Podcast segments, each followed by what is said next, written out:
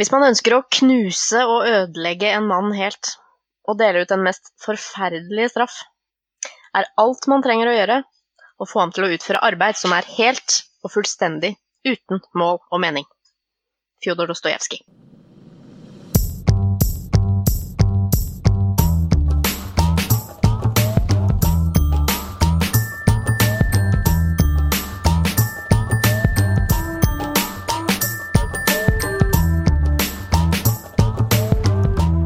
Hører på Saltklypa, en liten dose virkelighet. Hei og velkommen til Saltklypa, episode 170. I dag er det den fjerde i 7. 2018. Jeg heter Kristin, og med meg i dag har jeg Jørgen. Hallo, alle sammen.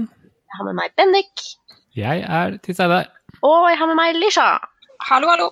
Veldig bra. Jeg sitter her og eh, har nettopp eh, for ett sekund siden slått av vifta som har blåst meg i ansiktet. Men det kan man jo ikke ha noe av under opptak.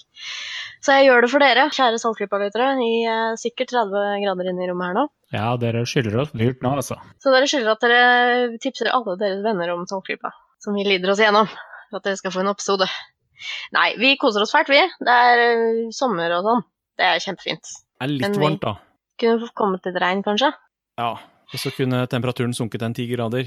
Ja. Men sånn har dere det bra ellers, da? I Nei, jeg har det altfor varmt. Jeg har det alt, alt, altfor varmt på jobben. Jeg driver nå og jobber eh, utendørs med tjukke ullklær på meg og er eh, historisk jernaldermann. det, hørtes, det er ikke helt optimalt. det hørtes veldig HMS-vennlig ut. uh, nei, det er nok litt annet enn eh, HMS og komfort som gjelder når man er museumsformidler. Men dere andre, har dere tatt ferie, eller? Ja, det ganske lite å gjøre på jobben, egentlig, så det er litt sånn ferie på jobben. Det er litt sånn eh, Kanskje hvis vi vil eh, tørre å si eh, nesten litt meningsløst. Det er litt meningsløst å gå på jobb nå, ja. Det, er- det. Man føler kanskje at man eh, jobber litt, og så gjør man egentlig ikke så veldig mye, men så får man masse penger for det likevel. ja. Det er vel kanskje en fin overgang til vårt lille tema i dag, da. For Bendik han har lest en, en liten bok. Hva heter den boka? Jo, uh, jeg fikk meg en bok for noen uker siden som heter Bullshit Jobs. Den har vært i vinden. Den har jeg hørt fra Den har vært i vinden. Ja. Ja, den, eh, den har blitt uh, anmeldt både i histen og pisten og i øst og vest. Så jeg tenkte jeg skulle ta og lese den eh, selv også. Den er av en forfatter som heter David Graeber, en antropolog. Og han har lagt merke til at uh, mengden med jobber som egentlig ikke gjør noe nyttig, bare øker. Og det burde ikke være tilfellet. Ifølge f.eks. kapitalistisk tankegang så burde meningsløse jobber eliminere seg selv over tid, men eh, snarere det motsatte har skjedd. De bare øker og øker. Yes, så det er faktisk noen som har sett eh, nesten litt sånn vitenskapelig på dette her, altså. Ja, han, eh, han prøver så. Han har snakket med massevis av folk og samla sammen en god del statistikk. Han begynner med et argument fra forrige århundreskifte, fra eh, Jeg har lyst til å si Karn, en fyr som heter Carnegie. eh, Som, eh, som spekulerte i at rundt dette århundreskiftet så ville vi gå ned mot 15 timers eh, uker fordi vi ville være så produktive og ha så gode utstyr.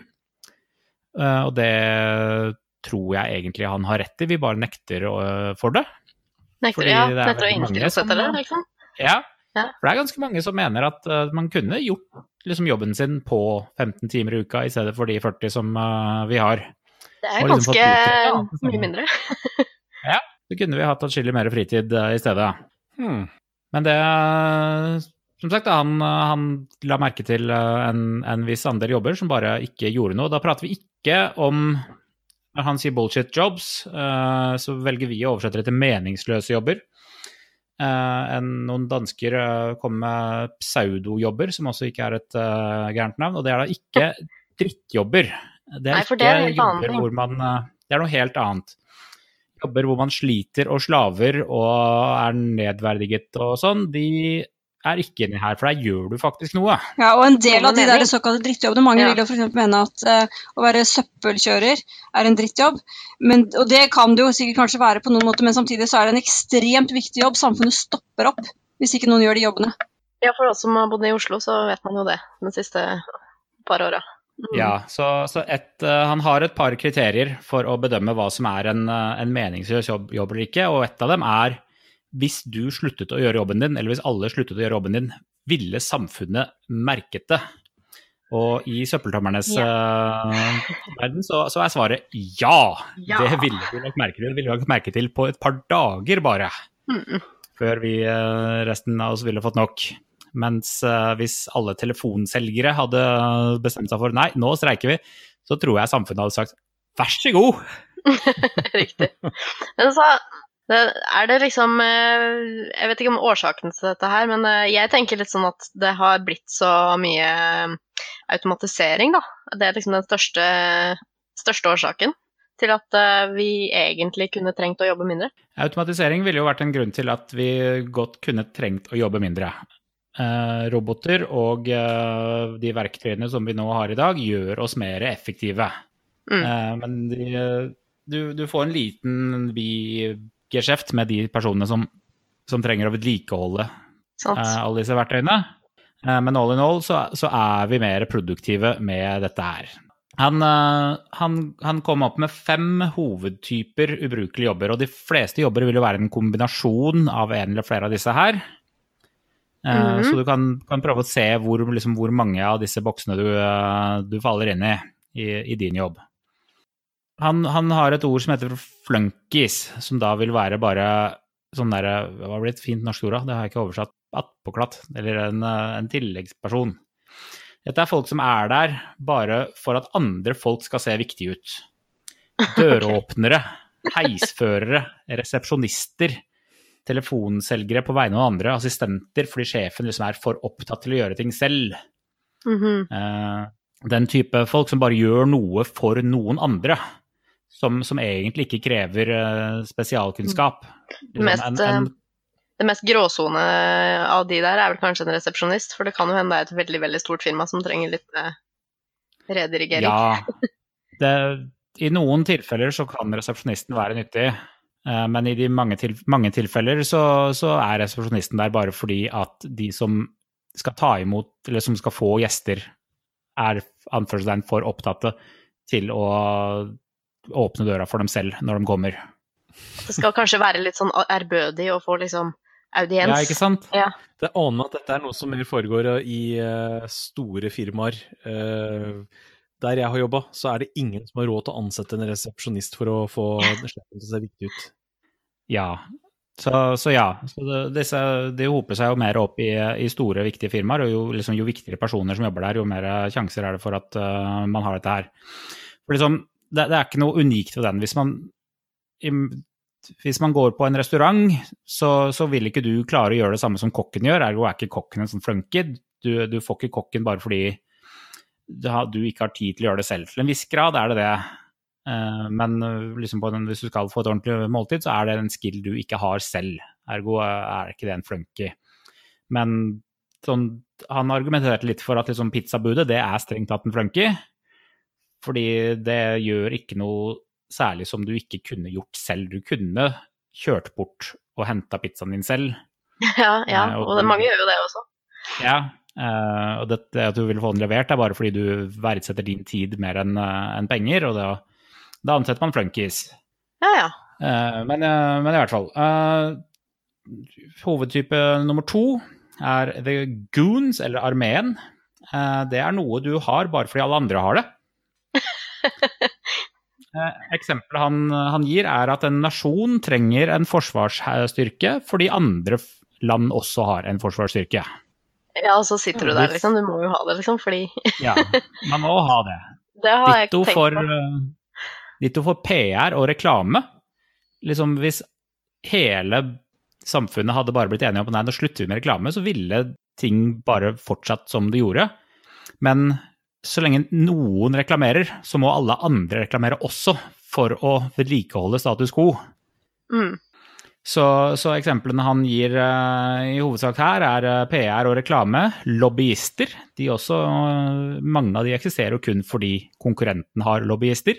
Mhm. Markedsføring og ditto for advokater, som gjerne er på retainer. De må et firma ha advokater fordi alle andre firmaer har advokater.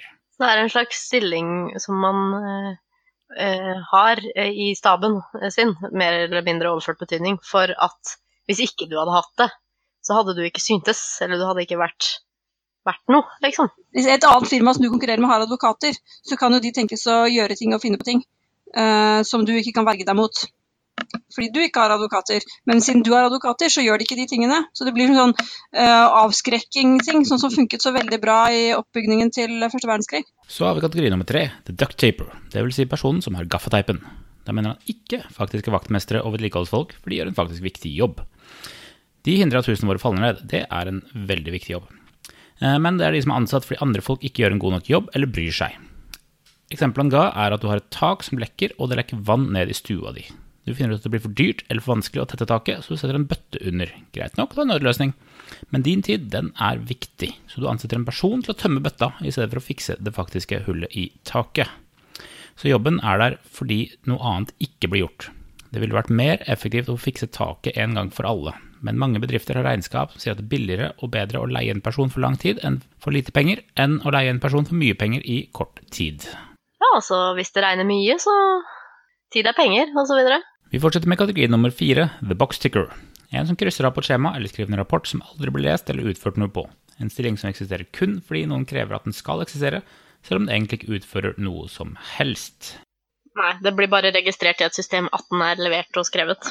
Den femte rollen som David Graeber mener er ganske unyttig, er the taskmaster, eller delegereren. Mellomlederen uten faglig innhold, men som bare sitter og delegerer oppgaver til andre folk. På et eller annet tidspunkt så kommer man til den faktisk utførende parten i en jobb, men det er ikke taskmasteren. Han mener at folk flest i en arbeidsgruppe vil klare fint å ta til seg de oppgavene som trengs å gjøres, uten at det sitter en person som dedikeres til å drive og dele ut oppgaver til andre folk. Det er en person som, eh, når en person får en bunke ark som trengs å leveres et sted, så kommer den personen og tar den bunken, i stedet for at person én går og leverer den selv.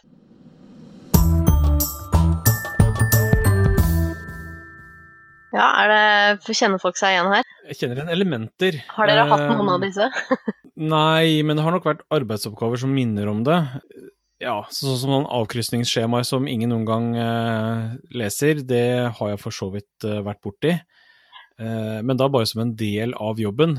Og man kan si at det har en viss egenverdi i av at eh, man da blir mer fokusert på den jobben som skal gjøres. At det er ingen som trenger å lese evalueringa, men det at du har gått gjennom den og kryssa av på skjema, har kanskje gjort noe med den jobben du utfører etterpå.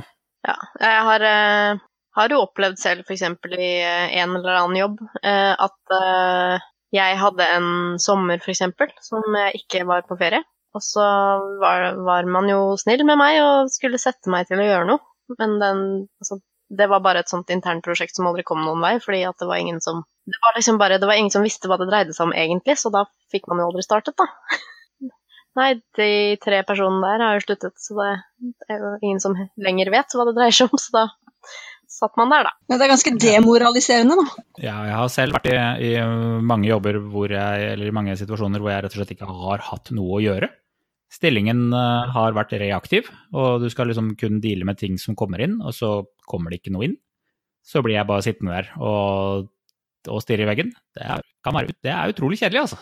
Det, det, det, til et visst, til et, opp til et visst punkt så, så er det liksom digg å bare ha liksom fri på jobben og sånt, men etter en stund, når dette har pågått i ukevis eller månedsvis, så, så begynner du å bli lei bare av å komme på jobben for å sitte der og spille 2048 dagen lang, altså. Det, Og da får man litt vondt i fingeren.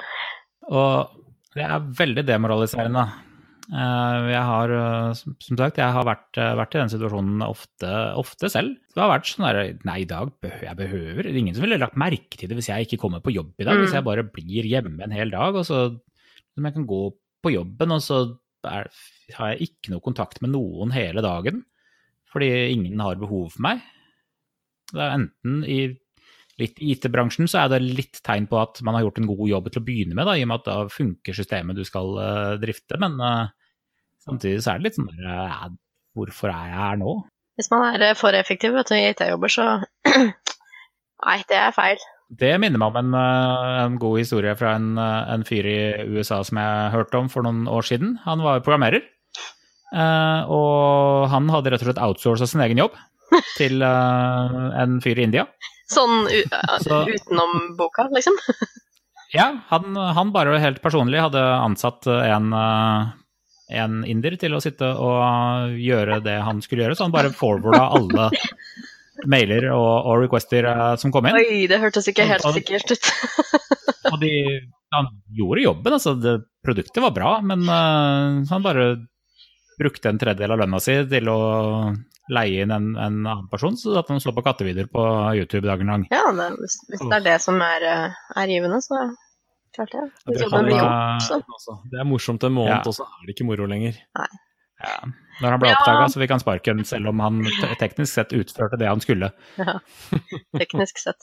Ja, det er litt, eh, litt eh, shady å, å gå bak ryggen på lederen og gi, utgi altså innloggingsinformasjon og forretningshemmeligheter sånn på den måten. Jeg vet ikke hvor stort Mhm. dette firmaet var, men det skal man jo ikke gjøre.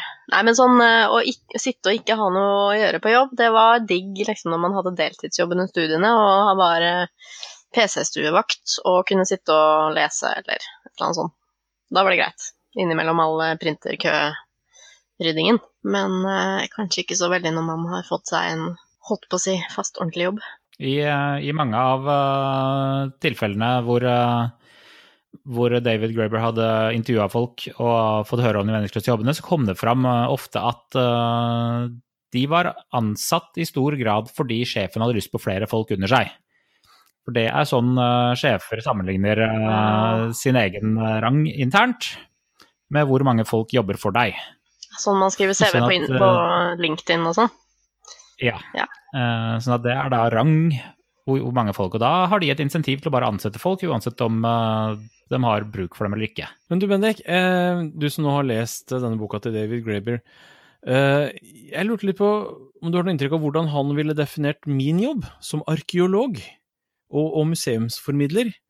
Eh, for jeg har litt inntrykk av at sånn han definerer en del av disse bullshit-jobbene, så, så ville nok eh, kanskje arkeologi falt inn under det. Du, det opp det, det blir litt opp til deg selv, basert på hvor mye samfunnet verdsetter kunnskap akkurat eh, på det tidspunktet.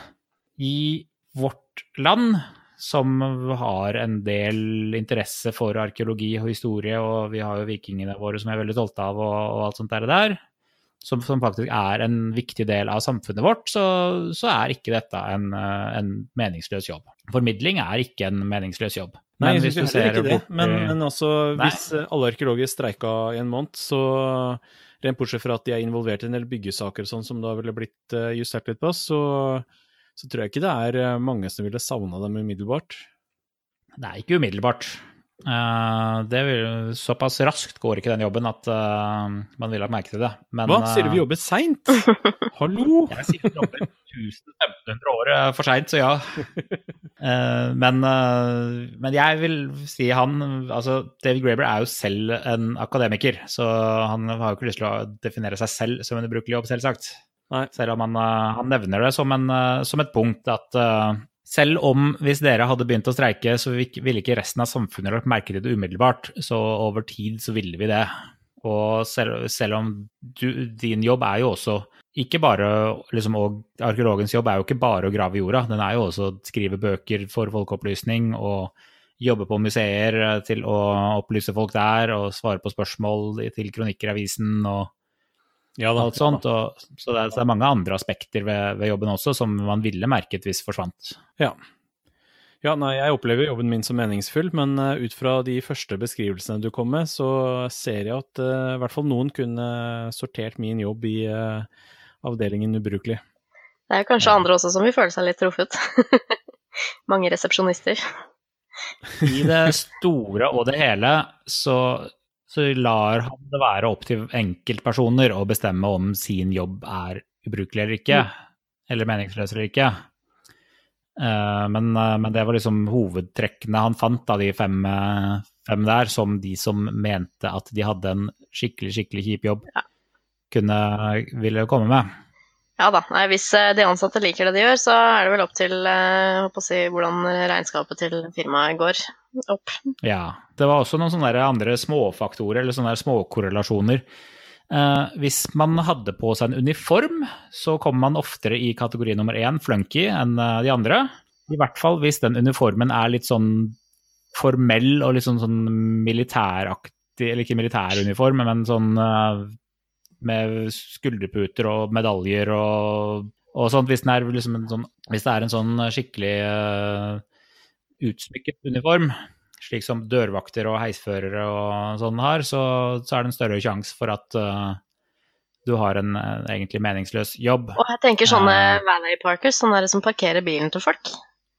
Det Det også er strengt tatt en meningsløs jobb. det er en ganske bullshit-jobb, det, altså. Var i Las Vegas, da hadde de sånn overalt, og det var jo selvfølgelig skitdyrt, så vi takka jo som regel pent nei, da. ja. Men vi spurte litt rundt på, på Facebook, både med på, på Saltklypa sin profil og litt sånn personlig, og jeg vet at Jørgen i hvert fall fikk en god del svar fra, på spørsmål om eh, det var noen eh, kjente som eh, hadde hatt noen sånne bullshit-jobber rundt omkring. Ja da, det har kommet inn ganske mange gode bidrag. Alt fra ting som faller godt inn i mønsteret her, til litt mer humoristiske, sånn som for eksempel eksempel på meningsløs jobb, å montere blinklys på Audi. Ja, nei, jeg trodde det var sånn væske, sånn blinklysvæske som du måtte kjøpe på Audi. Fylle på, eller? Eh, på, i, i, I dette tilfellet så vil vi da si at uh, dette her passer inn i the box ticker, fordi uh, Ja. selv om en, en Audi er en bil, og en bil må ha et blinklys, eh, så man må bare huke av for at ja, den, den bilen her har et blinklys, selv om den personen som kjøper den aldri har tenkt å bruke det. Selv om det, ja. For øvrig, siden jeg kjører veldig mye, så kan jeg si at de aller fleste Audier bruker blinklys, men når noen ikke gjør det, så er det ofte en Audi. Ehm, ja, Det vil jeg legge merke til, i hvert fall hvis man har så mye fordommer mot deg. Ja. jeg, jeg har fått flere. Jeg har uh, en som jeg syns er eh, typisk eksempel på meningsløs jobb. Kom fra Kari. Hun skriver Jeg var pussejente på bensinstasjonen en sommer i ungdommen, altså pusset bilrutene til folk som fylte bensin. Det absolutt meningsløse var at vi måtte vaske bensinpumpene når det ikke var noen bilruter å pusse, slik at det aldri skulle se ut som vi ikke hadde noe å gjøre og bare henge. På stille dager hvor det var lenge mellom kundene, var det ekstremt meningsløst å pusse disse pumpene om igjen og om igjen og om igjen. Ah, det høres ut som sånn amerikansk jobb. av en eller til. Jeg skjønner ikke hvorfor jeg tenker det. Altså, man Ja, nei, det, det var min assosiasjon også, men eh, ja. Jeg eh, vet at Kari kommer fra bygda, og der er det nok noen steder som er litt sånn. uh, ja, nei, det er mange fine her. Det var uh, Kenneth som jobba på Telenor på et prosjekt. Eh, han satt og klassifiserte og sorterte henlagte saker som var eldre enn ti år. Manuelt, på utskrevne ark. Og som så ble makulert, alt sammen. Fordi det var foreldet fordi det var eldre enn ti år. Uh, ok, så å klassifisere dem til eldre enn ti år er jo én ting, men å, å sort sortere dem Ja, altså fikk papirer som alle visste var eldre enn ti år, de ble da sortert og øh, klassifisert, og så makulert. Wow. Jeg, jeg, Hæ? jeg er tolker den jo jeg, jeg tolker den sånn at uh, det var saker som hadde blitt henlagt, men som ikke nødvendigvis var ti år gamle, så han måtte sortere ut de som var ti år gamle. Ja, sorteringen er grei. Ja. Jeg, jeg har hørt denne historien fra den godeste Kenneth før, og nei, de var passert ti år da de ble klassifisert og sortert. Og så var Eh, Hvilken kategori sorterer denne under, da, Bendik? Det er, jo en, eh, en helt Det er en, en boxticker. Du eh, skulle bare følge en rutine Ja. som var skrevet av eh, noen som ikke hadde peiling, og rutinen i seg selv gjør ikke noe, du skulle bare gjøre det. Det er en annen som har en litt tilsvarende historie, men som nok er litt mer mening i. Eh, en som jobber, har sommervikar på tellekontoret i Norges Bank og tellet penger som skulle makuleres. Da er det jo poeng med tellinga, for de skal vite hvor mye penger som går ut av systemet. Sånn nok. Ja. Men det opplevdes som veldig meningsløst. Ok. Ja, det, det kan jeg være enig i. Skal vi se her eh, Ja, det var Hugo her som eh, satt på et sentralbord fordi sentralborddama hadde klaget til sjefen over at det var demoraliserende å sitte og ha så lite å gjøre. Eh, Så mens mine oppgaver ble satt på vent fordi jeg måtte sitte i sentralbordet og spille solitær, så satt den egentlige sentralborddama på et kontor nede i gangen og spilte solitær fordi hun ikke hadde noen andre oppgaver. Vent nå litt.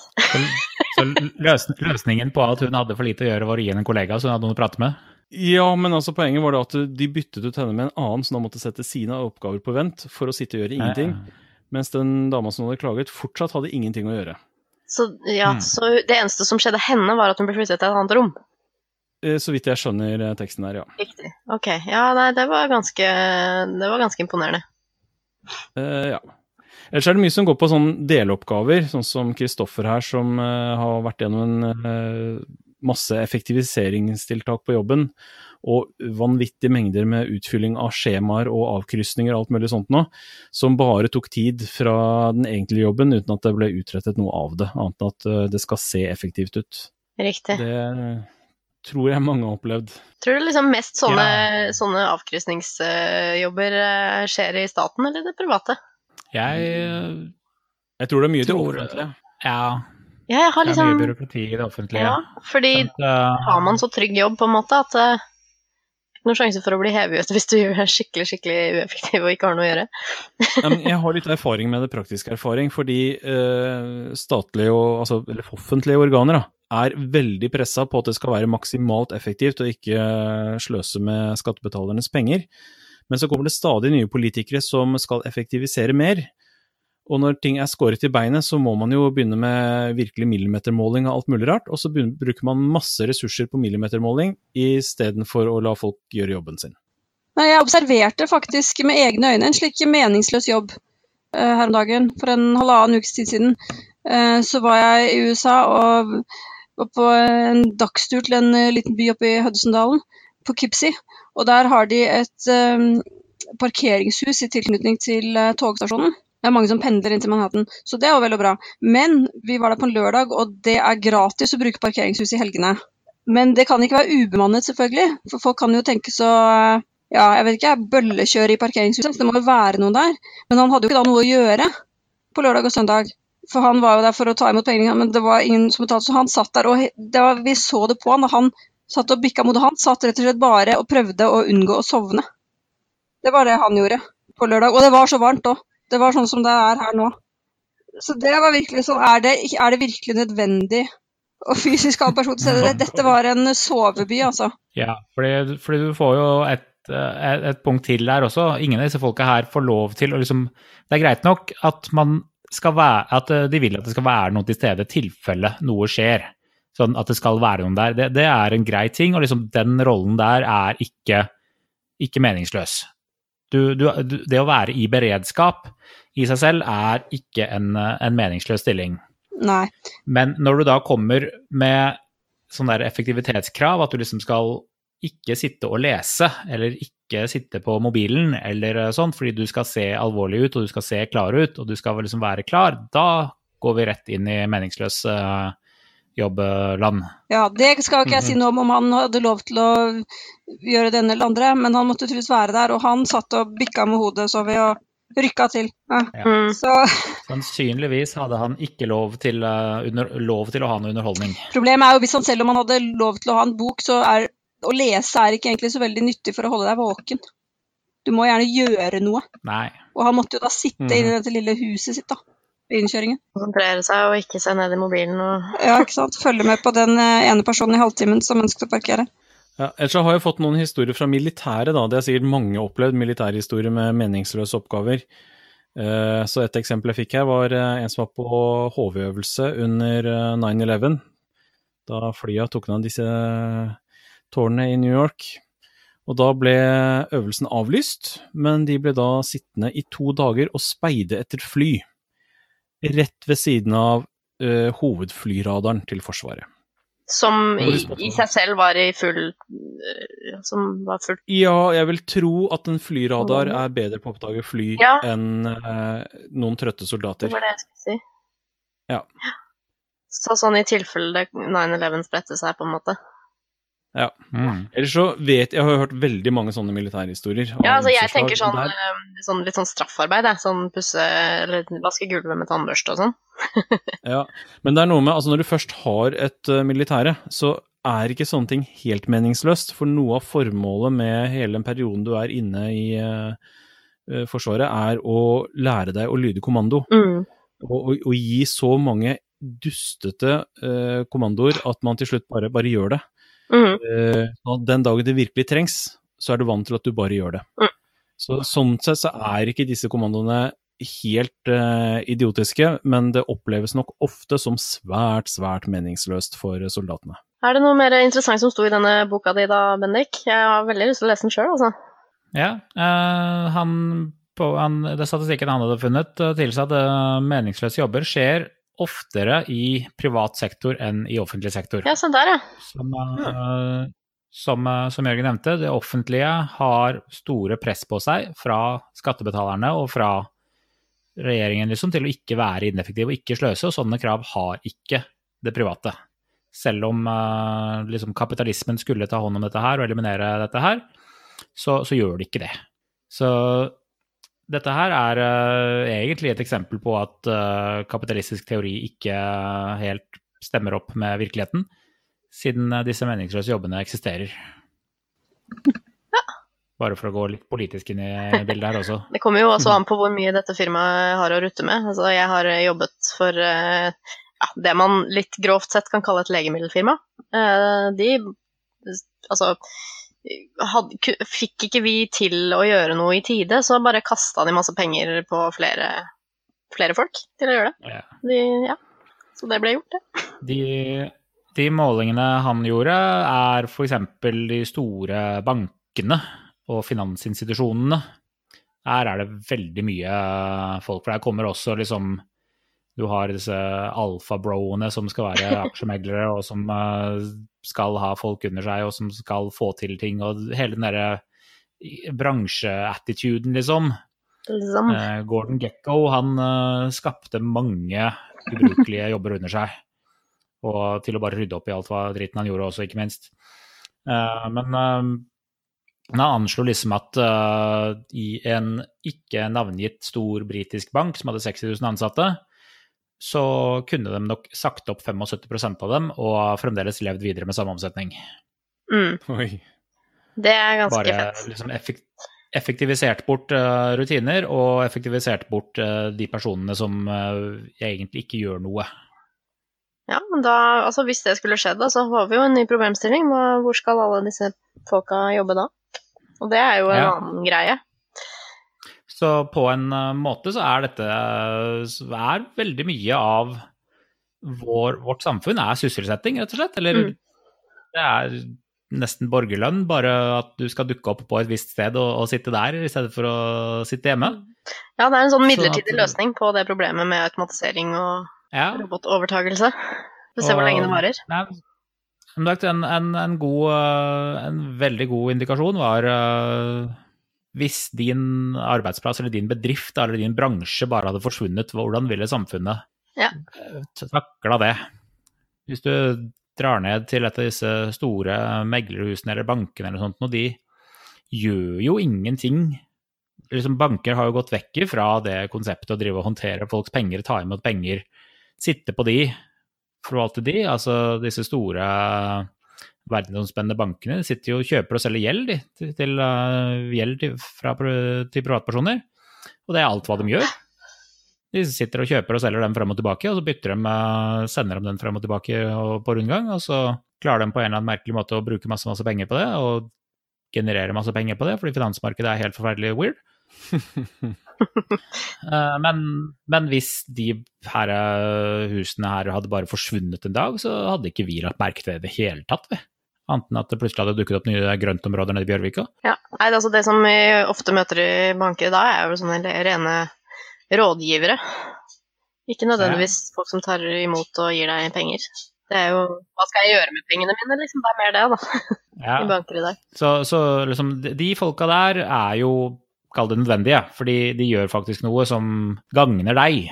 Mens uh, disse personene som eh, sitter og kjøper og selger obligasjoner, de uh, hadde ikke David Graeber noe snille ord om, altså.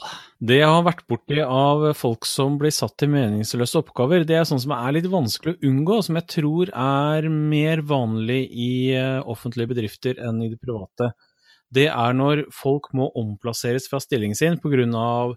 personalproblemer eller et eller annet som har dukket opp, sånn at de ikke kan være i sin vanlige stilling, og blir sendt rundt på et annet kontor hvor eh, de ikke kan utføre det som er deres fag. Eh, Ja.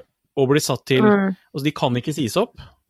og blir da satt til diverse oppgaver til man forhåpentligvis en dag kan gi dem en relevant posisjon igjen. Det har jeg opplevd flere ganger, og det må være ganske forferdelig å ha det på den måten. Jeg har opplevd en som jeg for så vidt ikke har så mye medfølelse med, men, men det er bare sånn eksempel på hvordan det kan skje. Det var en eh, fyr på et universitet hvor jeg jobbet litt, hvor eh, han hadde blitt tatt med barneporno på PC-en. Og, ja. Han hadde en forklaring på det som var god nok til at universitetet ikke kjørte sak med ham for å få ham eh, ut, men de tok en intern avgjørelse på at han fikk ikke jobbe med noen PC. Problemet var at han var IT-mann og ansatt som IT-mann. Og dermed så hadde jeg også en IT-mann som ikke fikk lov til å være i nærheten av en PC, og som ble sendt rundt på forskjellige avdelinger for å gjøre små vaktmesterjobber og sånne ting. mm. Og han var rimelig frustrert. Det, det skjønner jeg. Eh, som sagt, jeg har ikke all verdens medfølelse med film, eh, men et eksempel på hvordan sånt eh, kan foregå, da. En sånn rar løsning av den bedriften. Men det kan jo være faktisk på en måte en god løsning. altså Man kan ikke kvitte seg med han, men man vil ha han vekk. Så gi han oppgaver som er så meningsløse at til slutt så slutter han av seg sjøl, for han orker ikke de oppgavene. Ja, det er greit når det er en veldig stor institusjon som dette var, men det er kanskje ikke fullt så greit når det er en litt mindre institusjon hvor eh, lønnsmidlene er svært begrensa. Nei, Da jeg jobber, så hadde ikke det vært mulig. Og vi hadde aldri gjort noe slikt heller. Vi hadde bare pæla dem på huet og ræva ut uansett. Eh, Men hvis det er en diger organisasjon da, hvor du kan bare flytte rundt på folk, eh, og ikke merker så mye til en ekstra på lønningslista, så er jo det en måte man kan bli kvitt folk med. Det, er en veldig vanlig eh, ting å gjøre i Japan. Jeg leser noen artikler om, om det der. Ja. At de, disse store selskapene i Japan, liksom Sony og Toyota og, og sånn, de, de kan basically ikke si opp folk. Så da får du det i situasjonene når, når noen blir for gamle eller for overflødige eller eh, ikke har de skillsa som trengs lenger. Så blir de bare flytta til en annen avdeling, en annen divisjon, hvor det ikke er noe å gjøre. Jobben deres er å sitte på et rom. Okay. Gjerne da sammen med, sammen med 25 andre som er i samme stilling, og, og jobben deres er å bare sitte der. Så venter de da enten til, eh, til disse personene blir så frustrerte at de sier opp selv, eller eh, til du dør aldri om. Ja, så det er ikke noe sånn type 'jeg går av med pensjon, skal vi ha kake', liksom. Det er snakk om 'nå skal jeg, nå skal jeg på det rommet'. Ja.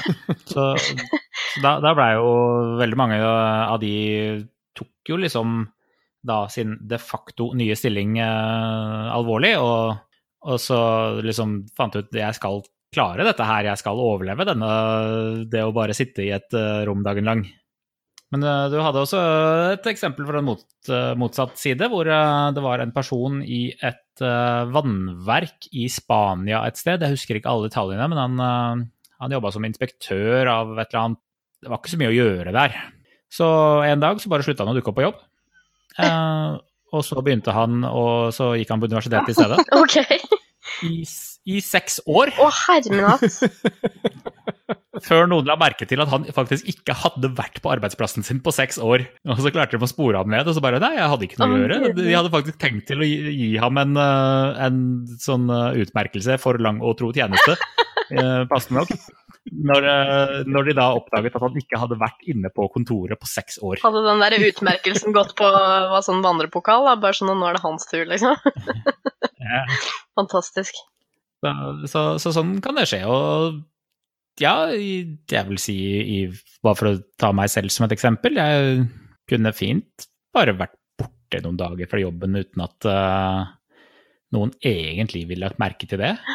Kanskje jeg svarte på noen e-poster i løpet av dagen, eller sånt. kunne jeg bare latt som at jeg jobba hjemmefra, og så bare ta den, og så bare gå helt fint, det. Jeg, skjønner den personen godt, Ja, sånn hjemmekontor med G, som det heter. Ja. Jeg er nå fremdeles student på nytt, jeg, da. Så vi får se om jeg klarer å finne meg en meningsfull deltidsjobb nå til høsten. Mm. Det er målet mitt. Ansett meg! jeg skal bli bibliotekar. Jeg kan rydde bøker for deg. Men det minner meg på noe. Det er klart at Har du en jobb, så er jo oppgaven din å gjøre de oppgavene som arbeidsgiver gir deg. Mm. Uh, og det er jo greit nok. Men nå var jeg som sagt i USA her om dagen, og da bodde vi jo på hotell. da. Og der fant vi en oppgave som Den er kanskje ikke meningsløs, fordi man skjønner jo hvorfor de gjør det. Det skal se pent ut, ikke sant. Og de eh, Hva skal man si?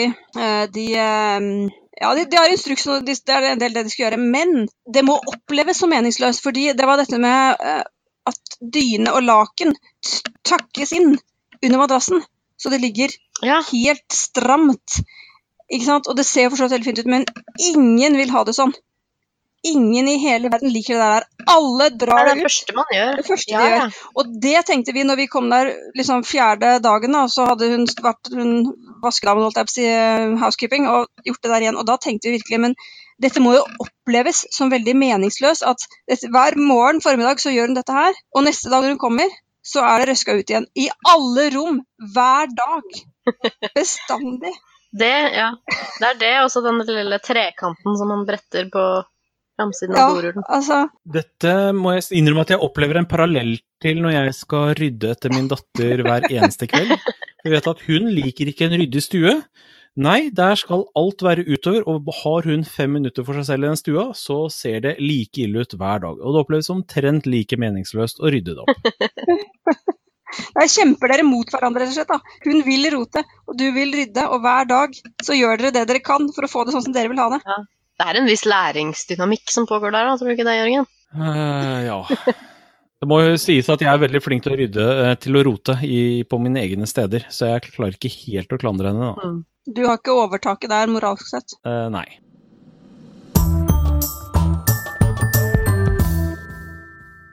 Så Bendik, bullshit jobs, det er den du anbefaler i dag? Det er en av de to bøkene jeg skal anbefale i dag, Ja, du har en til, da? Eh, Jeg har en eh, bokanbefaling til. Denne gangen er det en norsk bok. Eh, den heter 'Jakten på stedsansen', skrevet av Unni Eikeseth og ute på Vigmostad Bjørke forlag.